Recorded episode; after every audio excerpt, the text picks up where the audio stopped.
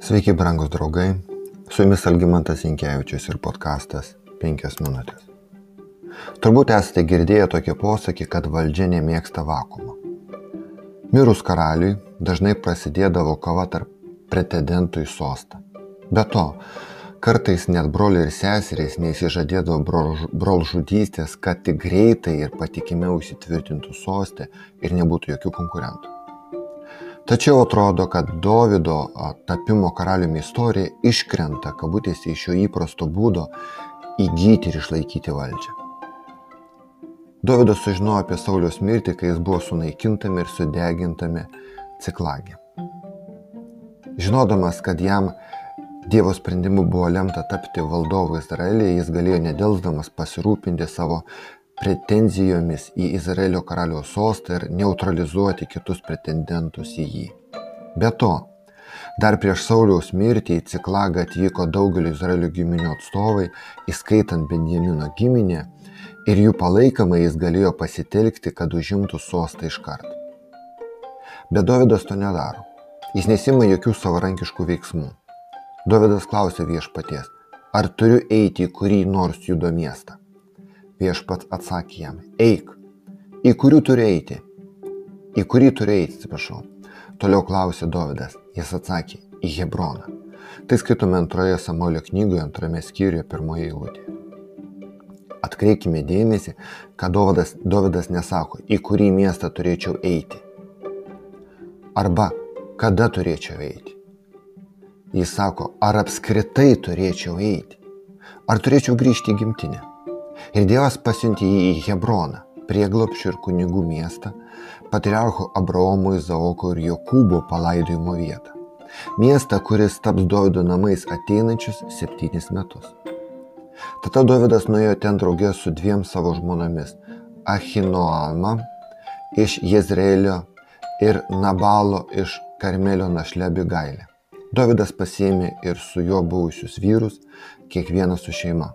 Jie apsigyveno miestuose prie Hebrono. Tada atėję judo žmonės ten patipė Dovydą judo karaliumi. Tai buvo antrasis Dovydo patipimas karaliavimui. Pirmą kartą tai nutiko Betlėjuje, Jėsės namuose. Tada niekas negalėjo pagalvoti, kad rodonskruostis žalių akių piemuo taps Dievo išrinktojų valdyti Izraelį. Bet ir dabar Dovydas dar nebuvo viso Izraelio karalius, nes Abneris paskyrė karaliumi jauniausią Sauliaus sūnų Ibošetą, kuriam visos giminės įskyrus Judą prisiekė ištikimybę.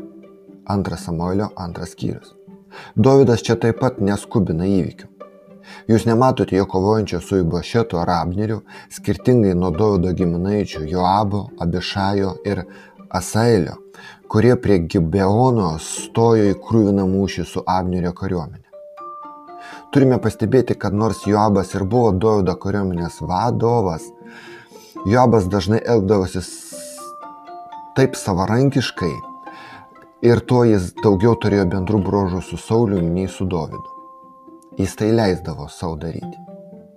Dovydas nesivilė į prieš priešą su Ibošetu pirmiausia dėl to, kad jis Engedi vietovėje pažadėjo Sauliui, kad po jo mirties jis nepersikios ir nesunaikins Saulio palikonių. 1 Samuelio 24 skyrius. Ir prieš priešai tęsintis viešpats padaro į Bošeto namus silpnus, o Davido namai sustiprinami.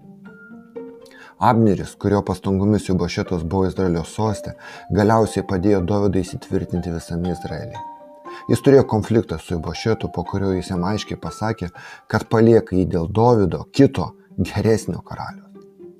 Netrukus po Abnio, o paskui ir po Ibošeto mirties, visos Izraelio giminės atėjo pas Dovydą į Hebroną ir pasakė, mes tavo kūnas ir kraujas.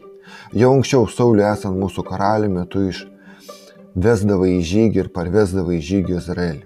Ta viešpas tarė, tu būsi mano tautos Izraelio ganytojas, tu būsi Izraelio karalius. Visi Izraelio seniūnai atėjo į Hebroną pas karalių.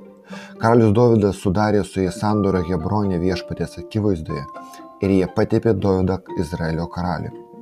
Dovydui buvo 30 metų, kai tapo karaliumi ir karaliavo jis 40 metų. Hebronė jis valdė Judą 7 metus ir 6 mėnesius, o Jeruzalėje karaliavo visam Izraeliui ir Judui 33 metus. Antras Samuelio 5 skyrius. Kad pasiekti gyvenime Dievo jam nustatyto, numatyto tikslo, Dovydas nesimė savarankiškai, savarankiškų, atrodytų akivaizdžiai reikalingų, logiškai suprantamų žingsnių. Bet jis taip pat nebuvo ir toks, kuriam viskas buvo nesvarbu, jis nebuvo pasiūs, kaip šiandieną sakytume, televizoriaus žiūrėtojas nuo sofos savo mėgamajame. Jis leido Dievui vesti jį Dievo keliu. Tai, brangus draugai, iš tikrųjų gera pamoka mums pasitikėti viešpačiu, net kai tam tikrų klausimų sprendimas mums atrodo akivaizdus ir reikalauja netidėliotinų mūsų veiksmų. Tai yra, mes turėtume išmokti ieškoti Dievo nurodymų ne tik išeiti iš aklavietės, kai nebėra kito sprendimo, atrodo, ir mes įprastų savo keliu jau dabar tik tai ir kreipiamės į viešpatį.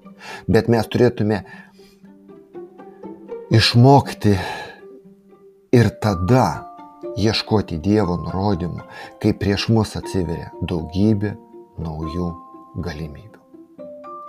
Su jumis buvo penkios minutės ir Algimantas Jankievičius.